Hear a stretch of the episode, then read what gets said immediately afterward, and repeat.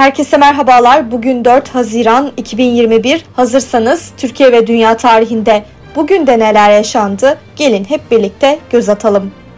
Milattan önce 781 tarihte ilk kez bir güneş tutulması Çin'de kayıtlara geçti.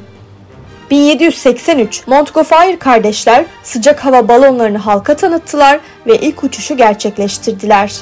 Türkiye tarihinde bugün yaşananlar 1876 30 Mayıs 1876 darbesiyle tahttan indirilen Osmanlı Padişahı Abdülaziz gözaltında bulundurulduğu Feriye saraylarında bilekleri kesilmiş olarak ölü bulundu.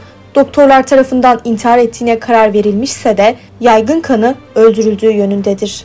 1930 Türk Tarih Kurumu'nun temelini oluşturan Türk Tarihi Tetkik Heyeti ilk toplantısını yaptı. Ekip 16 kişiden oluşuyordu. Heyet başkanlığına Tevfik Bıyıklıoğlu seçildi.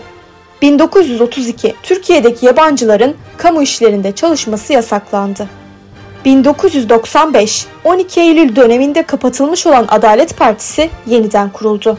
Bugün doğanlar 1915 Türk yazar Azra Erhat doğdu. 1975 Amerikalı aktrist Angelina Jolie dünyaya geldi.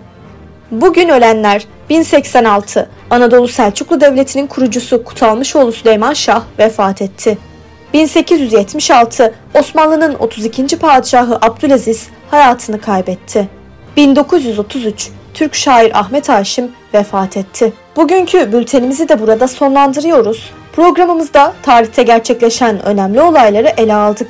Yarın da tarihte neler olduğunu merak ediyorsanız bizi dinlemeyi unutmayın. Yarın görüşmek üzere.